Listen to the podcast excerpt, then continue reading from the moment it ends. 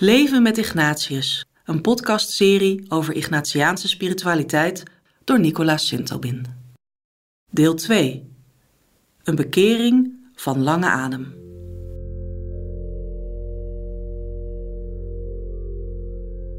De kamer waar het ziekbed van Ignatius stond, is bewaard gebleven. Net boven de plek waar hij een jaar lang lag, staat geschreven in een balk hier heeft Inigo van Loyola zich overgegeven aan God. Deze zin drukt precies uit wat Ignatius op zijn ziekbed had beslist: dat hij zich voortaan bij elke keuze enkel zou laten leiden door de vreugde.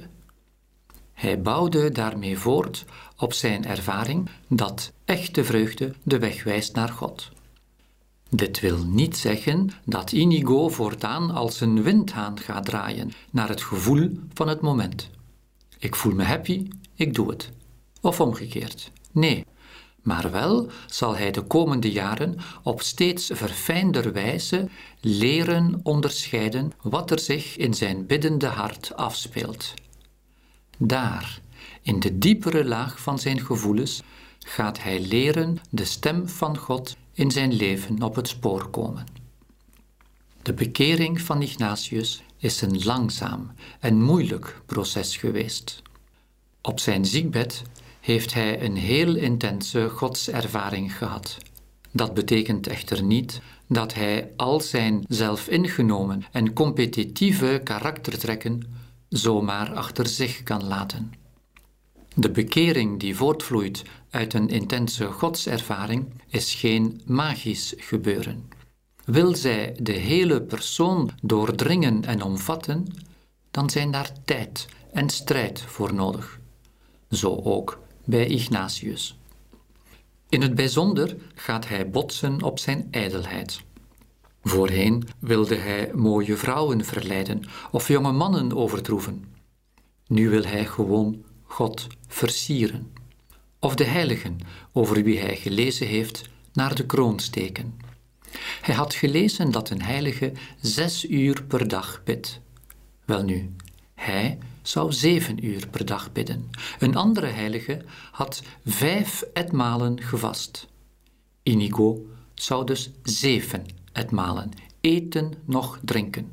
Intussen zou hij ook nog op bedevaart gaan. Met zijn ijzeren wilskracht kreeg hij al die krachttoeren ook daadwerkelijk voor mekaar. Maar tegen welke prijs? Hij hield er definitieve beschadigingen van maag en nieren aan over. Bovendien werd hij depressief en pleegde op een haar na zelfmoord. Met scha en schande gaat hij leren zijn ongeordendheid in kaart te brengen om vervolgens die diverse aspecten van zijn persoonlijkheid te ordenen. Dat wil zeggen, ze zo op elkaar afstemmen dat ze hem niet langer belemmeren om evangelisch te leven en dichter bij God te komen. Bekering betekent inderdaad niet dat je een heel nieuwe identiteit dient uit te vinden. Wel dat je de reeds aanwezige bouwstenen van je persoonlijkheid hier en daar gaat herschikken, zodanig dat je persoonlijkheidstrekken je voortaan helpen om te komen tot meer leven en liefde.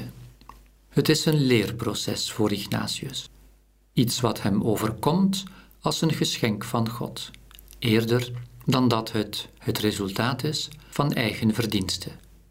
De ijdeltijd wordt beetje bij beetje omgevormd tot een nederig man. Bekering is een proces van lange adem. Het is iets dat je in de eerste plaats overkomt, eerder dan dat je alles op eigen houtje moet uitvinden. Bekering vraagt ook niet dat je je bestaande persoonlijkheid volledig achter je moet laten. Het gaat veel eer over beter ordenen wat reeds is.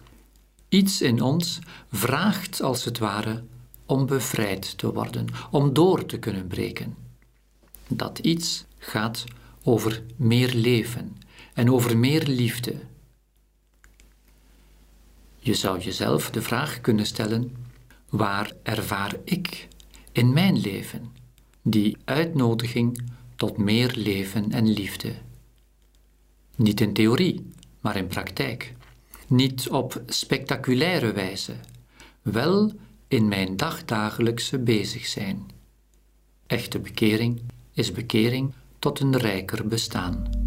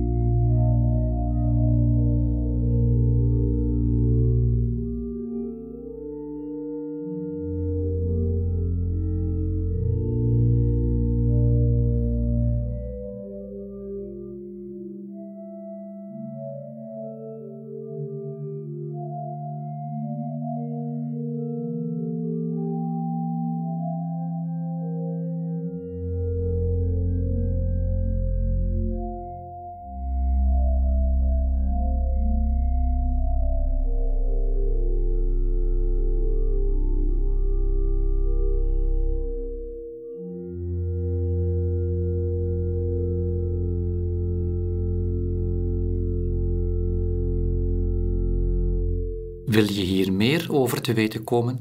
Lees dan het boek Leven met Ignatius op het kompas van de vreugde. Deze serie podcasts is een samenvatting van dit boek.